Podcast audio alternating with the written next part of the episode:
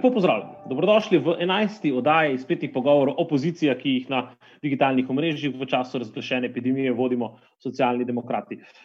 Danes se bomo pogovarjali o zgodbi, o stran poteh nabave zaščitne opreme, ki je tako ali drugače pretresla oziroma zatresla Slovenijo.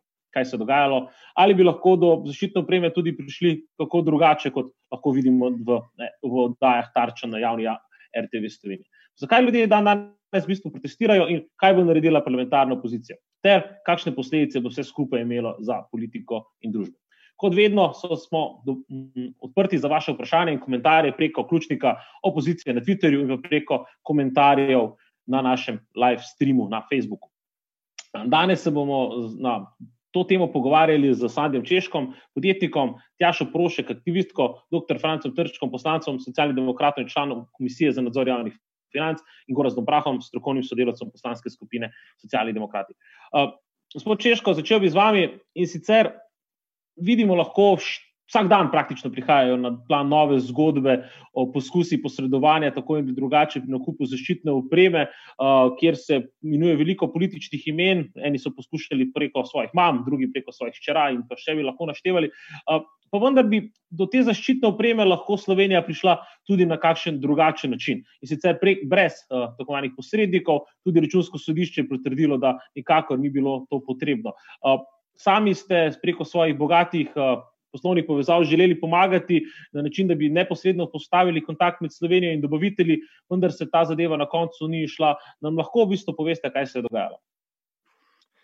Uh, Lepo zdrav vsem. Um, ko sem videl sredi marca uh, prve zaplete okrog nabave uh, zaščitne opreme, me je zabolila glava in nekako sem kar predvideval, kaj se bo začelo dogajati. Da se bodo seveda okrog tega zbrali trop hien, Eh, ki bodo poskušali na račun državljanov eh, kovati masne dobičke. Poklical sem Dejana Židana in ga prosil, da sporoči vladi, eh, če lahko, da imam možnosti, da vlado povežem z proizvajalcem zaščitnih mask in kompletne zaščitne opreme na Kitajskem, ki je tudi moj dolgoletni partner in ena od njihovih tovarn, proizvaja tudi zaščitno opremo.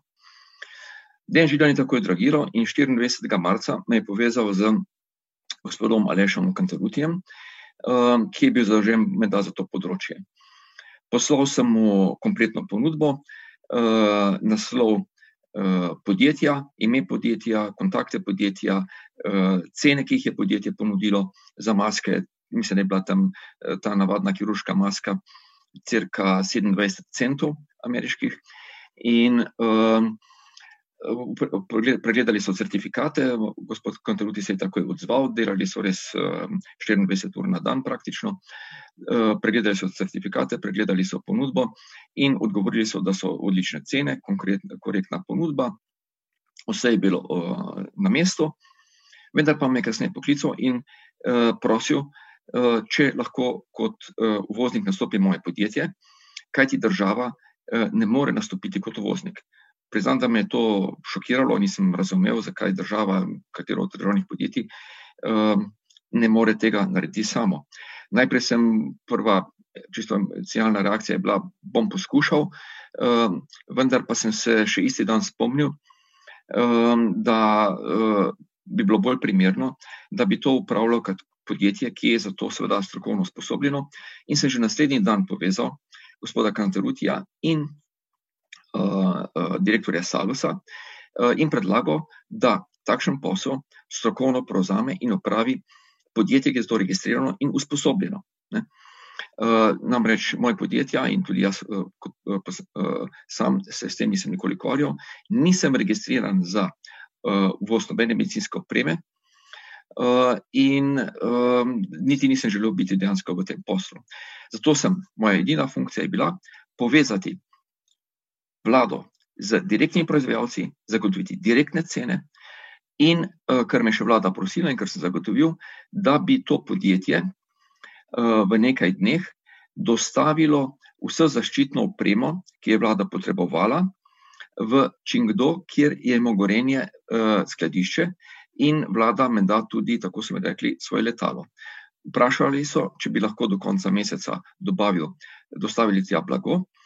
In ker je moj eh, dobavitelj eh, na kitajskem, proizvaja več kot milijon mask dnevno in jih ogromno izvozi tudi v Evropo, mi je tudi to zagotovil, da lahko um, dostavijo vso zahtevano opremo v nekaj dneh v, uh, na lokacijo, kjer je imela vlada svoje skladišče. Vlada bi lahko uh, v tem primeru, če bi to možnost izkoristila, če bi našla usposobljeno podjetje, če bi sama uvozila, bi lahko imela že konec marca, ne sredi maja, ampak konec marca, vso potrebno opremo po nabavnih cenah uh, v Sloveniji. In ne morem razumeti, zakaj smo zašli v to močvirje podjetij, ki se nikoli niso ukvarjala, ki niso sposobljena uh, z uvozom tvorstne opreme, um, in zakaj se nismo odločili za transparenten način uh, uh, nabave tako pomembne opreme. Ja, v bistvu zgodba postaja vedno bolj zanimiva. En dan ni bilo mogoče preko posrednikov, je bilo nujno preko tako imenovanih posrednikov, voznikov, da država to kupuje, drugi dan pa računsko sodišče pove, da temu, temu ni tako. A, bi podal kak komentar na to zadevo, odkje je ta zmeda ali pa kakšen drug motiv morda v zadnji? Ne vem, to spominja, če me vprašate, neko pač mešetarjenje. Um, poglejte, uh, izredne razmere, ne, kot so bile, ne zahtevajo vedno samo nekih izrednih in izvenzakonskih uh, ukrepov. Mislim, da je imela vlada dovolj možnosti. Zanima me, recimo, ali je kdorkoli poklical katero koli farmacijskih podjetij, katero koli, ki jih je predvsej v Sloveniji in ki imajo široko uh, mrežo svojih poslovnih kontaktov po vsem svetu, za pomoč. Sigurno sem, da bi se vsa ta farmacijska podjetja odzvala in da bi lahko bolj učinkovito pomagala, kot pa tisti, ki prodajajo neke XY proizvode in se s tem uh, proizvodi nikoli niso srečali. Vlada bi se lahko obrnila na gospodarsko zbornico, na, na njene uh, vprašala preko tega omrežja, preko vrste drugih poslovnih združenj, kdo lahko pomaga, kdo lahko skoči na pomoč.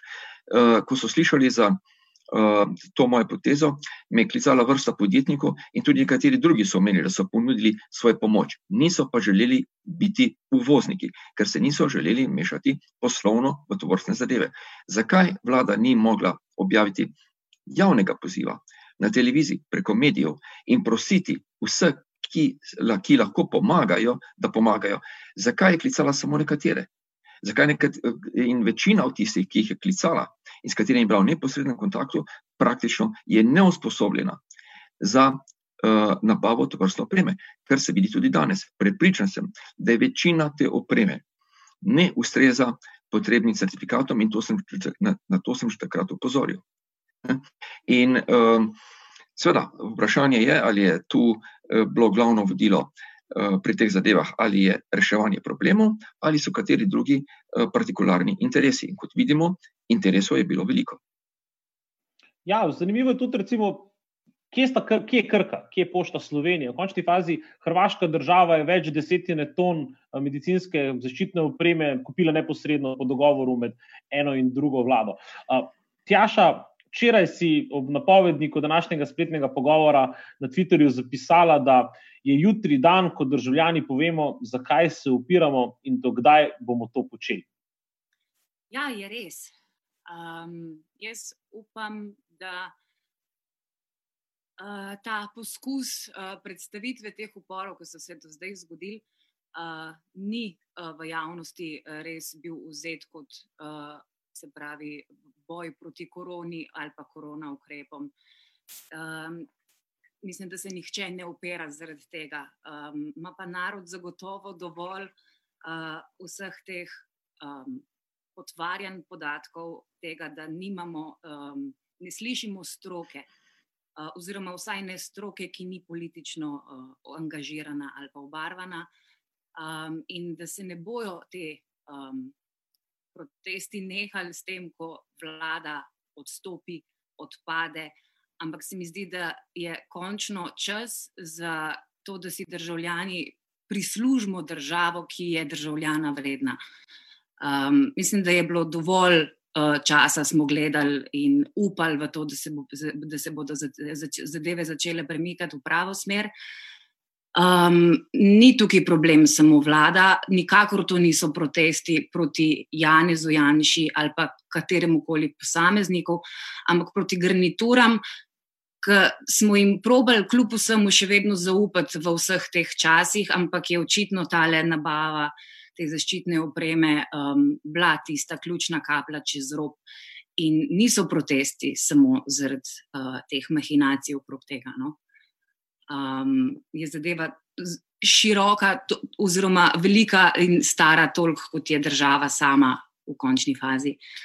Um, Tako da me tudi te mahinacije večkrat uh, okrog uh, poročanja, okrog teh um, um, protestov, o udeležbi, o številu, o načinih uh, in željah, uh, zahtevah, mogoče celo državljanov, uh, mečkan zmotijo, glede na to, da je vse skupaj predstavljeno kot neko gibanje, ki se tudi zdaj po Evropi jo, jo lahko opažamo, ker ljudje protestirajo, mogoče tudi ne samo zaradi tega, ampak v javnosti je zadeva predstavljena, kot da so to, um, se pravi, boji proti COVID-19 ukrepom. Um, državljan, po mojem, vsak uh, zase uh, zdaj mnenje, ali so bili ti ukrepi smiselni, smotrni, ali so strokovno uh, podkovani, ali so tudi strokovno podkovane te uh, ideje o sproščanju in načinu sproščanja ukrepov. Um, jaz mislim, da smo, oziroma upam, da smo zreli za nek resen diskurs, um, da poštimamo temelj države. Se mi zdi, da je tukaj ustava tista, ki je prva in temeljna in je podlaga tudi za vse ostale zakone, ki trenutno v tej naši fazi uh, države uh, v bistvu omogočajo vse te mahinacije, o katerih lahko zdaj zadnje čase poslušamo. No? Ja, ampak tukaj zdaj v našem parlamentarnem sistemu pa seveda mora tudi parlamentarna opozicija odigrati svojo vlogo. Danes, če se ne motim, opozicija vlaga interpelacijo zoper ministra Počevalška, jutri je seja komisije za nadzor javnih financ na temo gospodarnost in učinkovitost porabe javnih sredstev za urgentne nabave zaščitne opreme zaradi epidemije COVID-19. Tvari Štrček, kaj se dogaja na parlamentarnih hodnikih oziroma kako se bo opozicija odzvala na to dogajanje? Lepo zdrav vsem skupaj eh, iz Maribora. Eh, tudi kot si sam eh, napovedal, danes gre ven interpelacija proti ministru že v tretji vladi, gospodu Počivalšku. Jutro ob dveh je Komisija za nadzor javnih financ v, v, v novi, novi sestavi, ker ima opozicija večino, ker bomo nekako imeli dvo, dvodelno zgodbo sklicati. Prvi se nanaša na vse to, če ostanem ljuden v izreki, pa reko mahinacije okrog nabave zaščitne opreme. Drugi del se pa nanaša na neko, pa že skoraj protiustavnost, ko si je vlada uzurpirala to, kar je primarno naloga parlamentov, državnega zbora, nadzor proračuna, nadzor nad, nad javnimi financami in tukaj bi morali na vse zadnje tudi uh, koalicijski del državnega zbora uh, biti uh, proti temu, ne pa da, da jim reče drugi človek SDS-a veselo tvita, da jim popucati proračun, koliko se da. Nekako veseli me, da ta demokratični del. Opozicija vedno bolje sodeluje, zlasti socialdemokrati, in da jim reče nova levica, tudi LMŠ in SAP, nekako uh, zgubljata ta uh, ego trip zagon, ki so ga včasih imeli, ker se mi zdi, da je, da je to pomembno. In ja, strinjam, strinjam se s Tjašo, da moramo, če parafraziram Cankarja, doživeti neko očiščenje in pomlajenje slovenske politike. Tako na kratko. Hvala. Ja, hvala. Uh, seveda bo pa vse skupaj, bolj kot je nekaj kratkoročno imelo, morda celo neke širše posledice, tako za politiko, in družbo. Gorast, kako ti spremljaš to zadevo? Ja, hvala, lepo zdrav. Zdaj, mi smo prišli v eno situacijo, ne, jaz bi probil na en citat se nasloniti, ki ga je prej Tjaša zelo dobro izrekla. Ne. Poskušali smo zaupati. Ne.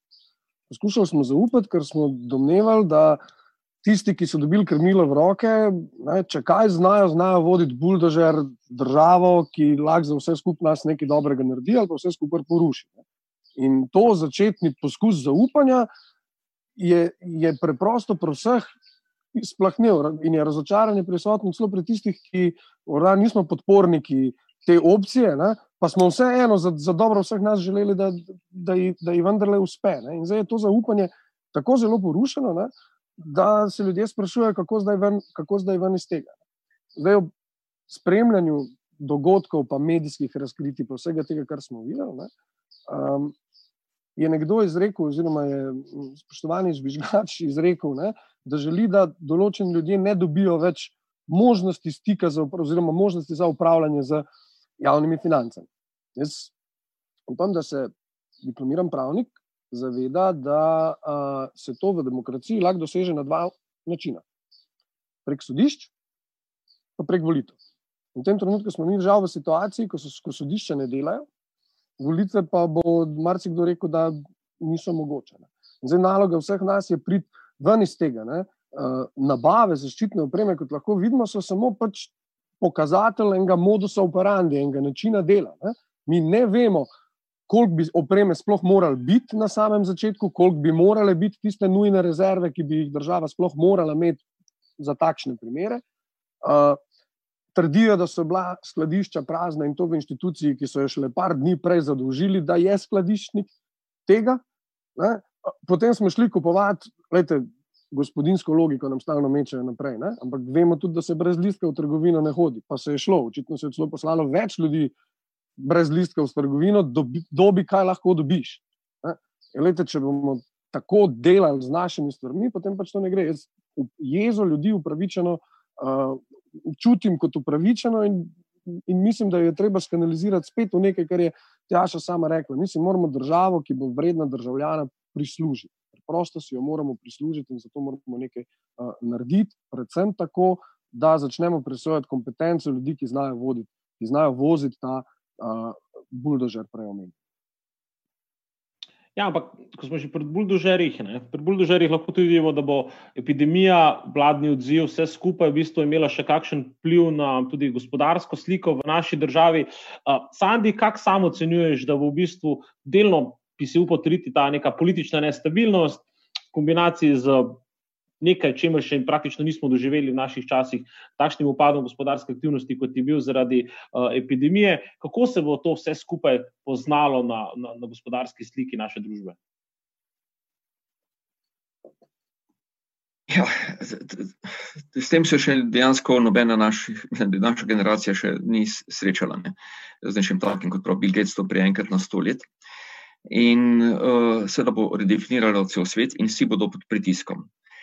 Um, ne bo lahko, uh, najhuje, verjetno, je šele pred nami, kot pravijo nekateri ameriški ekonomisti oziroma podjetniki, investitorji, the hell is in front of us.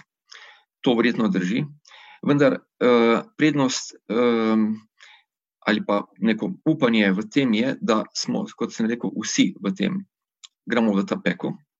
In kot je enkrat rekel na enem mojih seminarjev, uh, istok čop, Eh, ko sta z Lukom Špikom tekmovala, na katero finale je to bilo. In je rekel, uh, Luka Špik je rekel, uh, ne more več kolena me bolijo, moj sam isto čop zaupil, uh, vse bolijo kolena, tih bo in veselej in sta zmagala. Se pravi, uh, bo peklensko, uh, vendar pa mislim, da družbe, ki so manjše kot je naša, ki so izjemno podjetniške, um, usmerjen k delu, inovacijam, uh, imajo bistveno več možnosti in se lahko hitreje prilagodijo kot veliki sistemi in velike družbe. Uh, smo močno izvozno naravnani, kar je lahko seveda v teh uh, primerih, um, um, ko naši uh, izvoz, glavni trgi se srečujejo z velikimi krizami, seveda izziv. Vendar pa, še enkrat pravim, Slovenija je prilagodljiva, vendar pa moramo zdaj stopiti skupaj da bi stopili skupaj, da bi en drugem pomagali na vseh področjih, tako v gospodarstvu, tako se bo ne pakovali samo dobičko, kot se je pokazalo pri tem. V tem je problem celotnega tega primera. Tu bi se morali dobesedno vlada pokesati za, za to netransparentnost, lahko se je zgodila čiste nerodnosti. Vlada je, ko mi je prevzela pač uh, svojo funkcijo, uh, lahko je rekla, v redu, nismo bili pripravljeni, uh, in tako naprej. Tega ne bomo več dovolili. Saj to bi vlada morala reči. Eh, ne, v, v naslednjih primerih, in podobni se bodo še zgodili, mora biti ključna funkcija vlade. Zato, da Slovenija lahko ostane enotna, da, gre, da je nek pozitivni duh, je transparentnost. Zato to zaupanje, ki je bilo prej omenjeno, je ključna transparentnost. In ena pomembnih vlog vlade je, da v teh razmerah zagotavlja transparentnost, to bo garantiralo zaupanje in to bo garantiralo sodelovanje. Vlada, uh, pomembna, uh, vlada se mora zavedati in, in tega se zaveda veliko vlad po svetu, da problemi, ki so pred nami, presegajo kompetence, sposobnost vlade, vsake v tem svetu. Sama vlada ne more reševati teh problemov. In vlada, ki bo uh, imela v načrtu neka herojska dejanja, ki bo hotela izpasti in ki se bo uh, tekmovala, kdo bo najboljši, kdo bo najboljši, komu se je treba zahvaliti, komu je treba biti hvaležen, in tako naprej, kazala s prstom na neke nasprotnike, tiste vlade ne bodo mogle uh, spodbuditi vseh potencijalov v družbi, ki so. In danes tudi vidimo eno stvar, da celotni sistem, predvsem zdravstveni, ki so ga še nekateri ekonomisti in gospodarstveniki uh, pred kratkim uh, označevali samo kot neproduktiven del, samo kot uh, potrošni del uh, družbe, kako danes. Je ta del pomemben za to, da podjetja lahko naprej dobro funkcionirajo. Kajti Nemčija, ki je imela zadovoljive, ki ima zadovoljive kapacitete kapacitete v bolnicah, Švedska in tiste države, ki imajo dober zdravstveni sistem, ki lahko absorbirajo to, to vrstne šoke, tiste države uh, uh, lahko. So, tisti tisti um, rekel, zdravstveni sistemi so ključni danes, da to gospodarstvo uh, funkcionira bolje kot v drugih državah, kjer je zdravstveni sistem v kolapsu. In zdaj, če grem nazaj še enkrat k tej tezi. Iluzija si je misliti, in tukaj se malo bojim, da je naša vlada in njeni kadri vodilni pred skušnjavo. Želeli bi uh, uh, uh, narediti herojska dejanja. Herojska dejanja, edino, ki je pa je danes v tem, da bo vlada, vsaka v svetu, še posebej pomeni pa za nas, za, našo, za nas, da bo naša vlada to naredila, znala integrirati, povezati tri ključne segmente družbe. Se pravi, vse, kar je okrog vladne infrastrukture, kot en segment, gospodarstvo kot drugi pomemben segment in civilno družbo. Samo vsi trije te segmenti skupaj lahko uspešno gredo skozi probleme, ki so pred nami. Vsaka druga solo akcija, vsako drugo solo komandiranje se bo končalo uh, v tem, da bomo pristali nekje na repu uh, med tistimi, uh, med evropskimi državami. Ja, nedvomno se je v bistvu to vlaganje v nek javni sistem še kako močno recimo, pokazalo. Recimo Švedska se je lahko privoščila, ravno včeraj na Frid, za kar je nesen eno razlago vodilni švedski epidemiolog, da so se oni lahko privoščili malo bolj ohlapne ukrepe, ravno zaradi moči njihovega javnega zdravstvenega sistema, ker ta krivulja, ki smo jo morali vsi skupaj zmanjševati, bila pri njih više lahko postavljena ravno zaradi kapacitet njihovega zdravstvenega sistema. Uh, Tjaša, ko pa govorimo o teh javnih sistemih, zdaj vidimo šolstvo, še en pomemben segment, ki omogoča, da se bo sploh lahko uh, družba ponovno vrnila v neko javno življenje, tudi zagnalo gospodarstvo. Se pa v bistvu kaže tudi neka zelo velika uh, socialna stiska, ki se je pojavila na plan. Tudi zdaj med epidemijo. Vodja nemških zelenih je zelo dobro zapisala, da se je v korona krizi pokazalo, kdo nima lobijev. Matere, samohranilke, otroci in pa ženske. Bi se sama strinjala s to trditvijo?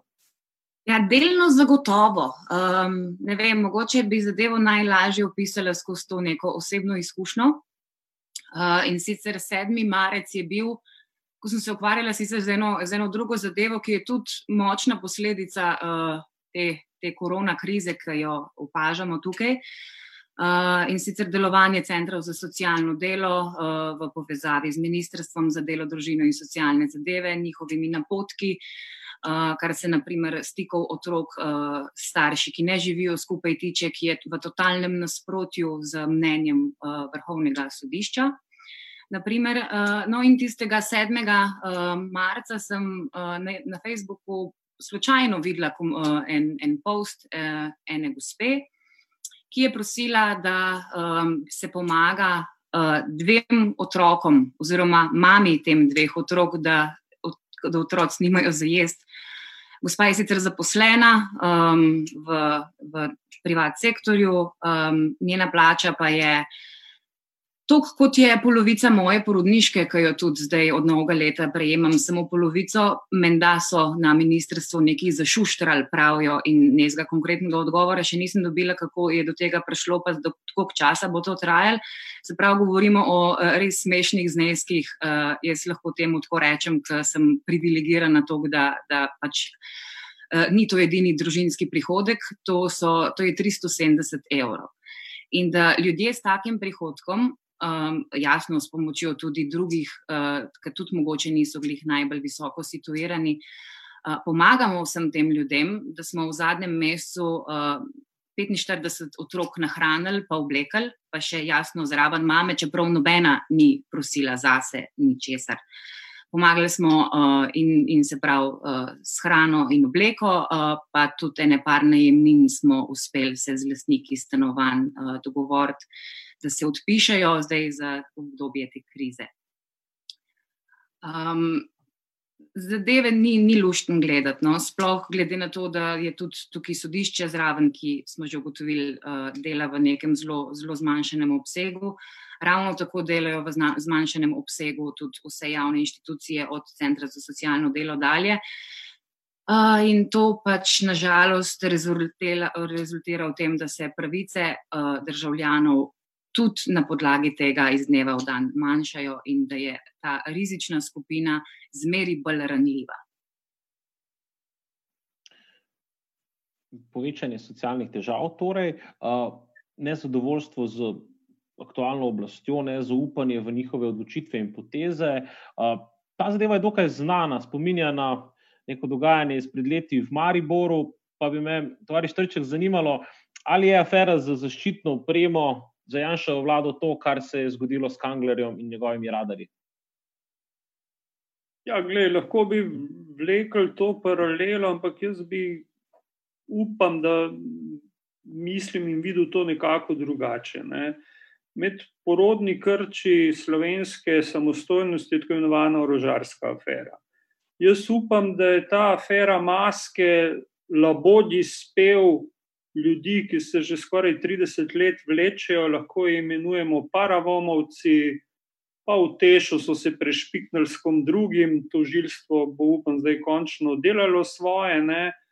In da dejansko obstaja še nekaj, obstaja nekaj, kar so v starih Grči imenovali ostrkizem, črpinska sodba dejansko se mi moramo vprašati, da veš, ko meni ljudje rečejo, kaj si delal, kaj nisi delal, gor dol, vsi ste isti. Rečem, ne, daleč od tega, mislim, meni ne morete dokazati, da sem kulico ukradel.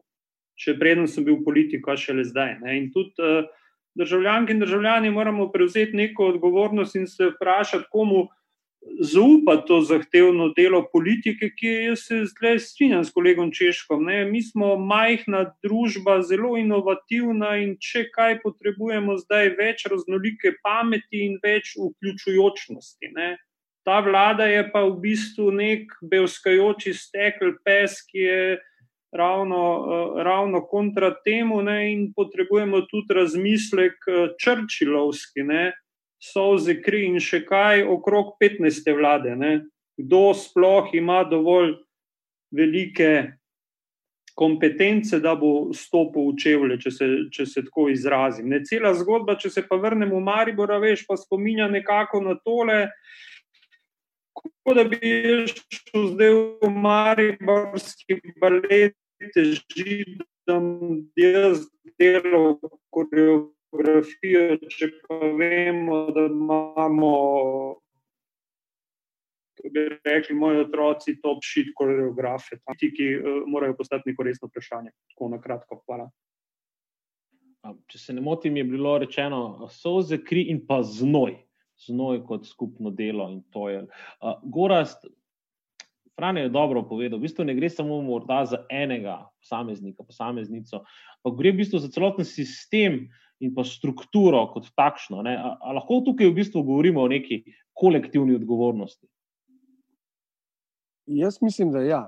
Ker ne gre v, v tej aferi, po mojem mnenju, ne gre samo za ljudi, pa posameznike, gre za mentaliteto, ki se je tako globoko ugnezdila. Ne? Mentaliteto, da je treba tako reagirati, da je treba strašiti. Mi živimo v okoliščinah, ko sem na neki točki zapisal, da se mi plebiscitarno upoštevamo ukrepe, se, se ljudje držijo, sem prositi je bilo treba, ni bilo treba ukazovati, ni bilo treba pretirane strogosti pri večini ljudi. Um, in prihajamo v situacijo, ko težko razumemo. Ne? In za, za to, da pač cel sistem deluje, ne? Uh, je odgovornost kolektivna, ne? tako piše že v ustavi, ne? zato da bodo sistemi delovali. Zato, ker, ker ljudje smo taka bitja, da potrebujemo razlago. Uh, ukazov, ki jih dobimo. Ne? Nismo taki, da bi jim slepo sledili, hvala Bogu. Um, Meni se zdi še mogoče eno pomembno stvar izpostaviti, ne? mogoče eno diskrepanco med tem, kar se dela, in med tem, kar, kar se dela, ki je na drugi strani. Um, gospod Češko je prej omenil pričakovane gospodarske, socialne posledice, ki se lahko zgodijo. Jaz sem danes zjutraj ravno prebiral uh, vladni predlog um, sprememb fiskalnega okvira glede porabe v letošnjem letu.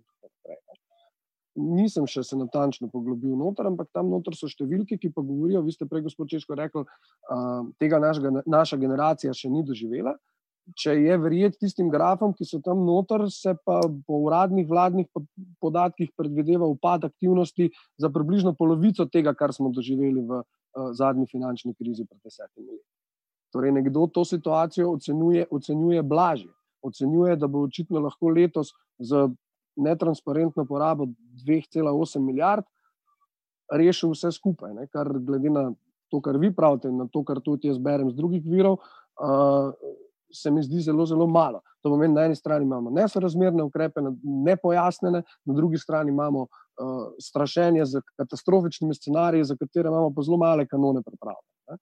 Zato jaz mislim, da najprej in pri ekonomski, in pri socialni, in pri političnem reševanju podatkov se moramo prisiliti, da se ustavimo in se najprej informiramo zelo natančno, kje mi zdaj smo. En naš pogovor ne bo zadostoval za te zadeve. Tudi zaradi tega se mi zdi, da je vloga politike, da to potrpežljivost noter prenese. Mi moramo ugotoviti, kje smo in kaj se nam dogaja, uh, ker očitno hitre reakcije uh, niso vedno najboljše reakcije. Ne?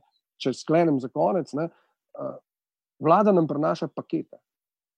Mogoče je zdaj bogokletno reči, ampak ena vlada nekoč na drugem koncu sveta, je pa takrat, ko je hotela preobrniti svojo državo, ne, prenesla opeko ali ladriljo. Pinošetova vlada je vladala s paketom, je poskušala državo transformirati s paketom, z opeko zakonodaje, ki jo je vrgla med ljudi, in mnogi od njih veljajo v bistvu še danes. Jaz se bojim tega, tega neposluha uh, za, za to, kaj ti kaj ti ukrepi počnejo. In če ta modus operandi presekamo, takrat bomo uspešni. Če bomo samo odstranili posameznika tu in tam, ne bomo nič. Zato je moje osebno mnenje, da se ne moramo pogovarjati o, o odgovornosti gospodarskega ministra, ne da se pogovarjamo o odgovornosti celotne garniture uh, in da se pogovarjamo o mentaliteti vseh nas, ne samo vladajočih. Ja, sej, tu se v bistvu kaže tudi to, kako se to krizo poskuša izkoristiti tudi za kaj drugega, recimo za kakšne nižanje okoljskih standardov, pa možnosti vplivanja civilne družbe na določene postopke, kar smo lahko videli pri določenih teh paketih, ki nam jih nosijo. Hkrati pa tudi ta primer za to zaščitno opremo. Ne. Jaz sem se res, kot sem se na začetku že vprašal, ne, kje je tu pošta, kje, tu krka, kje, kje so krka, kje so neki veliki globalni plejeri, ki jih imamo v Sloveniji, ne pa vendar le sem spoštovanjem neka manjša garažna podjetja z, z zelo zanimivimi bonitetnimi ocenami. Uh, Sandi, a ti vidiš tukaj, da v bistvu politika malo, pač bi ne bi pričakoval od desne politike, da je izbirala zmagovalce in poražence bolj centralno plansko ali na kakšen drugačen način? Po mojih izkušnjah um, temu ni imuna bila še nobena vlada. Ne. Slovenija le ima zgodovino vlad in zgodovino aferne, povezanih nažalost pač vsako vlado. Um, in tu, to je tista skupna točka, kjer uh, skupni morac, ker so vse vlade zelo podobne. Ne? In tisto, kar Slovenija seveda izjemno pogreša, je ta transparentnost. Ne? In te transparentnosti, in tu, tu smo uh, se zavestno vsi skupaj uh, odločili za nek uh, južnoevropski model, na mesto za en severni model. Um, in Seveda, to, to je udarec tako finančen ne, za vse državljane, to je udarec seveda tem tudi, da prihaja do zamud. Najhujši udarec je pa ta nezaupanje, ki iz tega izvira in vse to, kar se pač od zadaj uh, valine. Namesto, da bi bili ponosen, kako smo nekatere stvari reševali in jih speljali, um, se moramo ukvarjati samo z poglabljanjem teh problemov. In tam tu nobena vlada uh, do zdaj ni uh, se izkazala in da bi lahko rekli, da je pa služi eh, kot nek primer, kako je treba pač stvari peljati ne, pri vseh javnih projektih. Ne. Kar se tiče tega vprašanja eh, primerjave finančne krize in tokratne krize, ne, jaz se bojim, da, bila, da so zelo neumni tisti, ki menijo, da uh, sploh primerjajo obe krize, še bolj neumni tisti, ki mislijo, da bo ta manjša. Dobro, so nekatere napovedi smo slišali, da bo to parih tednih mimo. Uh, treba se zavedati razlike. Uh, Finančna kriza je bila kriza bančnega uh, sistema, investicijskih bank, špekulativnega kapitala, katero se da zakrpati s tem, da so pač natisnili denar in uh, uh, ga uh, infiltrirali v finančne inštitucije. To je zdaj kriza pa realnega sektorja, realne ekonomije. Te razpoke niso samo posledica um, uh, to, kar kar se bomo zdaj srečali s tem, to se je začelo dogajati, te razpoke, že v 90-ih letih. Uh, in so se samo stopnjevale, vendar so se kamuflirale. Zdaj, tokratna kriza pa bo razgalila vse te probleme, ki se kopičijo uh, že vrsto let in ki izvirajo pač v tem, da uh, v modelu, ko uh, razdružbene, ko, ko, ko, je, ko je pač postala glavni cilj, ki ga je imela predružba razdružbenega proizvoda, dokler je bilo pomankanje dobrin. Mi smo že dolgo, kot pravi Harari, v dobi presežka vseh dobrin ne? in še vedno nadaljujemo z istim modelom. Ne? In ta model se bo moral spremeniti. Ne? In ta model bo moral postati uh, ekološko in socialno vzdržen. In tu okrog bi se, moral, se bo moralo prestrukturirati vse gospodarstvo. In to zdaj, ki se bodo vse te finančne injekcije delile, se bodo delile na Eh, na, na mesto selektivno, v tiste, ki imajo prihodnost. Ne. Uh, dobili bojo pa spet verjetno tisti, ki znajo bolj lobirati, in ne tisti, ki imajo boljšo pač prihodnost. To bo spet en, en, en večjih problemov, uh, bomo, s katerim se bo srečal, ki bo bistveno večji od teh mask, finančno, če gledamo. Ne. In zato je zdaj priložnost za tiste, ki se lahko hitro obrnejo, ki so inovativni, Eh, eh, da se preusmerijo v tiste panoge, ki bodo jutri eh, rasle, ki jih bo družba potrebovala. Ne? In to smo rekli, so tiste, ki bodo povezane predvsem z okoljem in z neko um, uh, pravičnejšo socialno družbo, kajti vse ostalo bo kolapsiralo v nekih ali državljanskih vojnah ali kolapsih socialnih sistemov. Zdaj, jaz sem tisti predstavnik tiste generacije Milenico, ki bomo zdaj, odkar smo polnoletni, doživeli že drugo globalno recesijo in verjetno razumete to nezadovoljstvo s obstoječim sistemom. Pa bi Sandi samo še follow-up na tole, kar si povedal.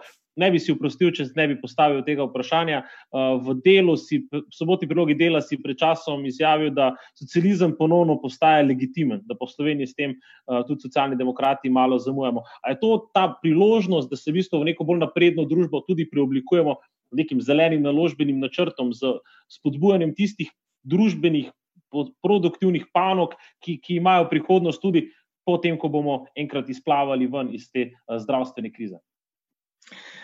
Ja, zdaj smo pred nekim, se pravi, družba ima prvič v zgodovini ima dovolj proizvodnih kapacitet, da zadovolji vse elementarne, tiste, kot pravimo, essentials, potrebe svojih državljanov in prebivalcev. Ne?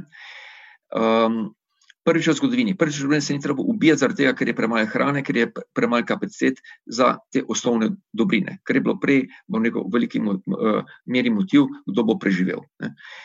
Zdaj pa vprašanje, ali se bo uh, ta trend, winner takes it all, nadaljeval, kjer se bo bogatstvo če dalje bolj kopičilo samo v zelo oskem, oskem, oskem segmentu, in večina se bo popularizirala, ker zdaj smo videli v zadnjih 20-30 letih, kako se je.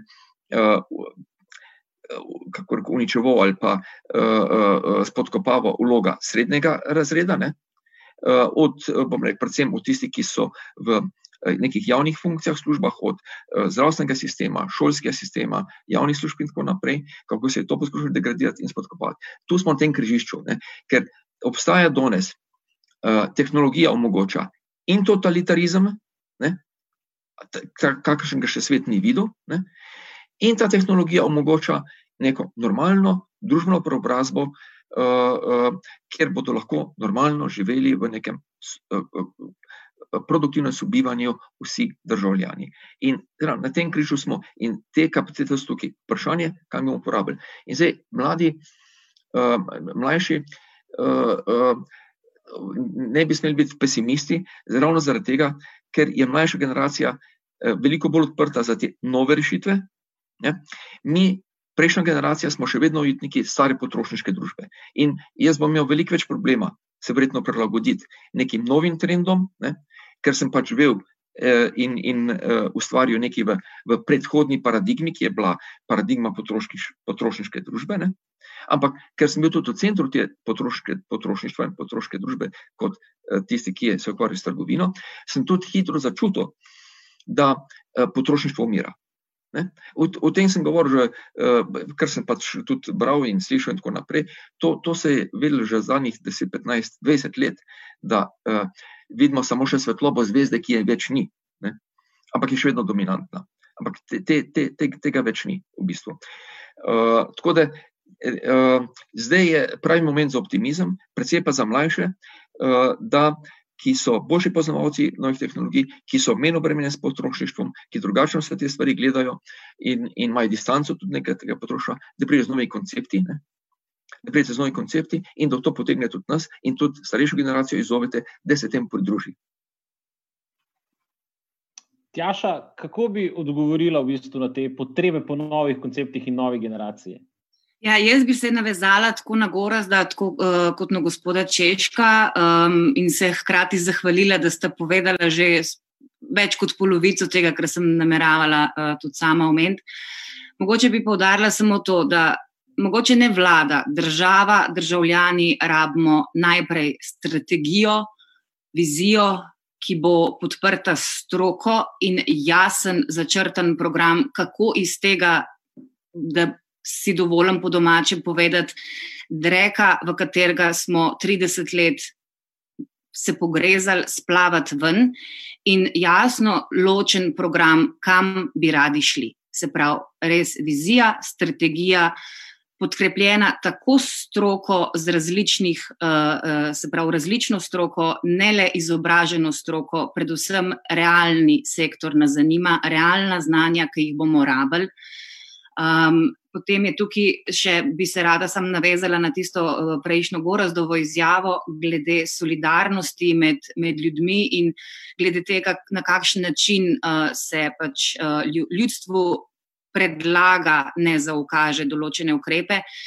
Uh, opaziti je, da uh, zaradi vsega tega nestrokovnega in netransparentnega vodenja okrog teh zaščitne upreme oziroma samega um, tega boja, kot ga bije no, uh, javno tudi ta trenutna vlada proti virusu, temu nevidnemu sovražniku. Um, ljudstvo ne verjame ne več v virus, ne več v uh, upravičenost ukrepov.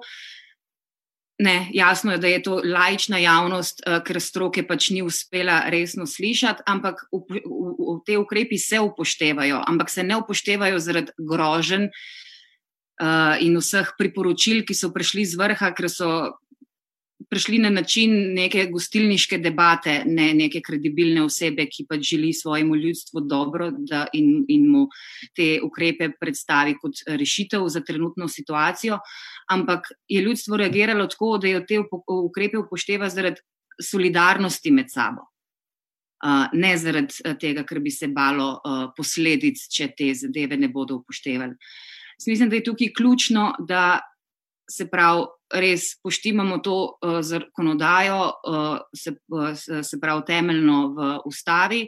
Imamo se na koga zgledovati. Tukaj je Islandija s to tehnično vlado, tukaj je model Švice, kako so oni si prilagodili ustavo, da pa še njim, da je pisana njim na kožo. Vzeli so ameriško, se je zadevo poznamo. Uh, ključen tukaj je ta javni diskurs civilne družbe in usklajevanja. Jaz resno upam, da smo zreli za to. Ja, pač, Če lahko samo eno stvar dodam. Seveda, izvolite. Uh, tako malo bolj radikalno. No? Poglejte, tisto, kar pogrešam pri uh, vseh vladah, ki uh, jih imamo v uh, uh, samostojni državi, je legitimnost. Vse vlade se izključno zanašajo, vse do zdaj, samo na svojo legalnost. Ne? In če zdaj potem eno paralelo z prejšnjimi desetimi leti, zadnjih, recimo, deset let, eh, pa če rečem tukaj tiste neke eh, politike predsednika Kučana, eh, v sistemu, ki ni bil demokratičen, ki je temeljil na diktaturi, recimo, ene politične opcije, ampak ravno zaradi tega, bom rekel, ker ni bil popolnoma legalen, se je moral zelo prizadevati za svojo legitimnost. Ni sedel in branil tega te svoje pozicije na uh, bajonetih, ni bilo potrebne uh, radikalne revolucije, kot smo jih videli vse posod v vzhodni Evropi, ne? ampak smo imeli nek žameten prehod. In, um, in na to potrebo po legitimnosti se je takoj po prvih demokratičnih volitvah takoj pozabilo in se je globoko zakopalo. Vsaka vlada uh, sedi samo na tej svoji legalnosti in jo pač boli za legitimnost. Gorast, kako ti vidiš ta problem med eh, legitimno, mislim, legalno izvoljeno vlado, pa hkrati mislim, da večina ljudi na prejšnjih volitvah vendarle nisi želela predsednika vlade, ki ga imamo danes. Niti njihovi uh, stranke, za katere so dali glas, so svetu obljubljali, da z tem gospodom pa ne bodo šle v vlado. Uh, leto pa pol kasneje pa so na to pozabili. Ja, verjetno želja ljudi res ni bila taka. Pač o tem, ne, kaj si ljudje mislijo o, o, o tem, pač, da so nekaj dobili, to pač bo vprašanje za nje. Jaz, jaz vse vem, zakaj sem dal svoj glas. Um, prej nam je bil priporočen optimizem, ne? po drugi strani pa imamo mi eno težavo, ki se vleče že skozi 30 let. Ne? Mi smo nad vsakim, hitro se navdušimo nad nečim novim, ker to pa zdaj imamo, pa vse drugače. Potem smo zelo hitro razočarani, ko ta nekdo ali pa množica stori prvo napako. Zdaj, eno stvar si bomo pa morali priznati. Ne? Prej je bilo rečeno, nobena vlada ni na to imuna, na to, kar se zdaj dogaja. In to je res. Zato obstajajo demokracije po vsem svetu. Zato, ker nobena vlada ni na to imuna. In zato, zato smo oblikovali vse posod take sisteme. Ki pomeni, to niso sistemi brez napak. To so sistemi, ki so narejeni tako, da svoje napake skozi čas popravljajo in izboljšujejo. Kar tudi pomeni, ne, ne moramo vseh napak zmetati v isti koš. Ne moramo sem iskati ljudi, ki so brezmadežni, brez napak, ki nimajo felera, ki še nikoli niso nobene napake um, zagrešili. Zato, zato, se mi zdi, jaz se spet bojim se spet tega, da bomo spet zahtevali uh, uh, Ubermenša, ki, ki, ki, ki bo vem, vse postavil v red, namesto da bi se enkrat zavedal, če hočemo biti taka inovativna družba, ta družba dela in znanja, ki je prej, dela znanja solidarnosti, ki je prej rekel. Um, potem se bomo morali začeti malo bolj spoštovati. Potem bomo mogli tudi tistega, ki mogoče ni na naši strani, mogli priznati, da kaj zna, da kaj obvlada, da ima mogoče srce na pravi strani, pogum, ki se ga tukaj rabi, da naredi pravo stran. Jaz, če zelo sklenem, če gremo proti koncu, ne, kaj se da zdaj momentalno narediti, da se ta zadeva pomakne, razen tega, da vem, so ljudje jezni in da opozicija eh, poskuša vsaj nekoga izmed očitno krivih uh, odstaviti od, od, od javnega denarja. Um, potem je tisto, kar se lahko stori, uh, da se začnemo ne samo pogovarjati o tem, kako bomo to naredili, ampak kako se bomo obnašali drug do drugega, da začnemo apelirati na tiste, ki trdijo, da so v tej zgodbi pošteni, da storijo pravo stvar, da morda tako kot nekaj let nazaj ne, postavijo, uh, zastavijo svoje nekaj uh, za tisto, kar, kar verjamejo. Morda tudi za ceno, da bodo kaznovani. Ne? Ker jaz mislim, da če ljudje pričakujejo vem, resne stranke, resne stranke so. Pre, prestanejo preizkušnje časa, tudi zato, ker se zavedajo, da jih ljudje lahko kadarkoli odnesejo. Ne? Da ni enkratna konzumacija, doživljenjska vstopnica za klub. Vsakič znova si jo je treba prislužiti, včasih jo dobiš, včasih dobiš limited access, včasih dobiš VIP access. Ampak dobival ga boš, če boš neko zaupanje vračal in se tudi zavedati, da vse vedno perfektno ne moremo narediti. To bom jaz prvi, ki bom rekel. In najbolj se bojim tega pričakovanja, pričakovanja, da zdaj bo pa vse drugače, pa vse novo, pa vse staro pozabil, pa vse znovo naredil. Nobena vlada ni in ne bo imuna na to, zato obstaja demokracija in mi jo moramo ohraniti. Uh, tako kot je Sandi prej rekel, ne, izredne razmere ne zahtevajo izven zakonskih ukrepov. Jih nikoli. In predvsem prav v izrednih razmerah ali pa neregularnih razmerah se še kako pomembno držati nekih okvirjev, ki so bili predhodno postavljeni, ravno zaradi tega, da ne prihaja do deviantnih uh, ravnanj. Uh, Tjaša, zaključujemo počasi, pa vendar, uh, kako ti malo po svojem občutku vidiš, da se bo ta zadeva tako ali drugače izvila oziroma odpeljala? Uh, Tok poguma, da bi resno neko sodbo uh, zdaj le izrekla, nimam. Bi pa komentirala tole, bi se mečke navezala spet na gora, da uh, ljudstvo ima dovolj izbire najmanjšega zla. Pa niso tukaj zdaj na udaru vsi poznani obrazi. Uh, taka zahteva, da pride gospod ali pa gospa brez madežni na neko pozicijo, je zelo utopična in jaz mislim, da je nihče ne pričakuje. Nihče, mislim, tudi ne učita napak nekomu, oziroma da bi bila ne, napaka, ki jo je nekdo nekoč storil, razlog za to, da, se, da, da ga ljudstvo ne podpre ker mislim, da vsi um, ljudje delujemo na tak princip, da napake delamo in se iz njih nekaj naučimo. Problem je pa tukaj, kar se te, te, te zadeve na, na vladni bazi tiče, da je opaziti, da se predstavniki, ki pač so na parketu že tako dolgo časa, iz teh napak ne naučijo kaj prav dost. Uh, in jih ustrajno ponavljajo, ker pač je to očitno v ne, maniri nekaterih. Uh, zato je tudi javni diskurs pod vsakim nekim javno-človeškim nivojem in se javno pere umazano perilo, namesto da bi se uh, zadeva začela uh, nekako transparentno odvijati in uh, voditi v pravo smer. Ja, nekdo bi rekel, da ni dovolj biti samo proti. Franja, se bi strinjal z mano, da ni dovolj biti samo proti, in če to ni dovolj, kaj je še potrebno? Ja, to, to sem nekim mojim kompanjonom v, v, v neki stranki, ki sem jo ustanavljal, eh, razlagal, eh, rahlo, rahlo neuspešno. Eh, žal, zdaj, ko vse to poslušam, seveda se moram malo kot sociolog držati nazaj, ampak tako bom rekel, gledajte, v politiki ni odrešiteljev. Ne? Mi na politiko mogoče preveč kvazi religiozno gledamo. Ne? Imamo za sabo neko desetletje tega, kar jaz imenujem vrečka presenečenja. Ne? Nekdo bo rekel preimenovanja LDS, ne? ko nekoga naredimo, uh, zdaj je novi Jezus Kristus, uh, ali je to Cerar ali Bratuškov, ali je kdorkoli. Uh, in problem teh vrečk presenečenja je tudi, da so kadrovsko votle. Ne? In potem po tej liniji se ni važno, kakšen je, važno, da je nas, dobimo ne vem, dobimo neke škise, ki bodo kupovali čebulo, pa se pijani vozili naokrog.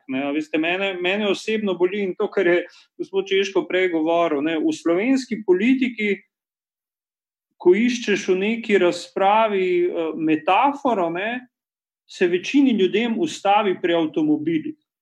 Pa ljubi Bog, v 21. stoletju je osebni avtomobil, če gledamo malo naprej, že zastarela tehnologija, isto kot televizija. Ne se mi zdi, da, da tle, tle rabimo nek preboj. Jaz vedno rečem, za me je politika javn, javna raba umov skupno dobro, seveda se zavedam, da si zelo raznoliko predstavljamo to skupno dobro, seveda se tudi zavedam, da nismo vsi v istem čovnu. Ne? To je neka fraza, ki jo zdaj radi uh, izpostavljamo. Uh, in uh, Ja, kot ste že rekli, da se pa poslušamo med seboj, ne, to je neki predpogoj, zato moraš imeti pa ušesa. Meni se nekako zdi, šesto leto sem v politiki, jaz sem sicer veliko ušesa, da nekako se moramo najprej naučiti eh, poslušati med seboj, pa pridem tle do, do levinasa in, in, in obličja. Ne. Zdaj, mi levičari imamo tle. Uh, lažji pristop, ker tudi desničari imajo srce na levi strani, tako da imamo evo, dobro izhodiščno pozicijo za medsebojno poslušanje. Toliko strpno. Ja, moramo se poslušati, pa mislim, da se moramo tudi slišati. Uh, Sadi, zaključil bi pa s tabo in sicer. Uh, Kolega Trček je zelo govoril o, o neke, neki negativni kadrovski selekciji. Uh, jaz bi si upal trditi, da Slovenija je tako majhna, da v bistvu si ne moremo prevoščiti, da najboljši ne bi dobili priložnosti. Bi se strinjal s mano pri tej tezi, uh, kaj moramo narediti, da bo temu tako tudi v prihodnje. Ja, zelo pomembna je tu vloga še vedno države, ne, ki bi morali imeti korajžo, da se, da se sooči, mislim, vlada, da se sooči tudi s tistimi, ki, so, ki, ne, ki mislijo drugače, ki so morda pametnejši od nje. To je bil moj princip v podjetju. Uh, uh, in potencijala uh, je po Sloveniji ogromno, dovolj, in tisto, kar imamo Slovenci, uh, še posebej kot neko karakteristiko, ki pa namenjamo prepogosto in si, ali pa si ne upamo, da smo zelo tekmovalni. In zato v tej, nek, spet neki tekmi narodov, ki danes uh, uh, nastaja, zaradi tega, ker pač iz te krize, uh, po tej krizi bodo karte bistveno spet prerasporedile. Jaz se bojim, da bo sever, zaradi vsega tega, kar smo danes govorili, uh, še, da se bo razlika med severom in, in jugom že v Evropi še povečala. Ne?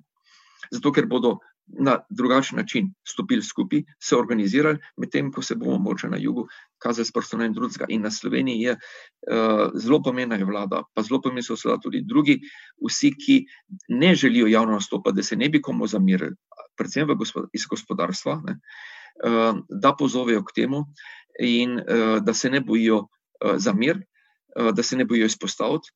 In da se fokusirajo s tem pozitivnim sporočilom in za odpiranjem. Ne. Ehm, veliko gospodarstvenikov v Sloveniji, ki bi lahko, ki imajo znanje, ki imajo izkušnje, ki imajo velike povezave, pa je seveda raj previdno in modro tiho, zaradi zgodovinskih izkušenj, ker jih pač vsak dobi pobuč, kdorkoli, kakršno koli javno reče. Ja, včasih imaš občutek, da ko malo pogledaš iz poprečja, te hitro hoče po glavi potapkati na vzdolj. Uh, Sandi Češko, Tjaša Prošek, Franc Trček, Gora Sprah, najlepša hvala za sodelovanje v 11. oddaji opozicija, splitnem pogovoru socialnih demokratov, kjer premljivamo aktualne teme v slovenski družbi. Vsem našim gledalkam in gledalcem, ki ste nas spremljali, se zahvaljujem za vašo pozornost. Ta teden nadaljujemo še s parimi drugimi zanimivimi spletnimi pogovori na digitalnih kanalih socialnih demokratov, tako da se nam le pridružite. Ostanite zdravi, ostanite doma, izkoristite pa tudi lep sončen dan za sprehod znotraj članov istega gospodinstva, eh, da lahko tako ali drugače tudi izkoristite, kar se da, ta lep majski dan. Srečno.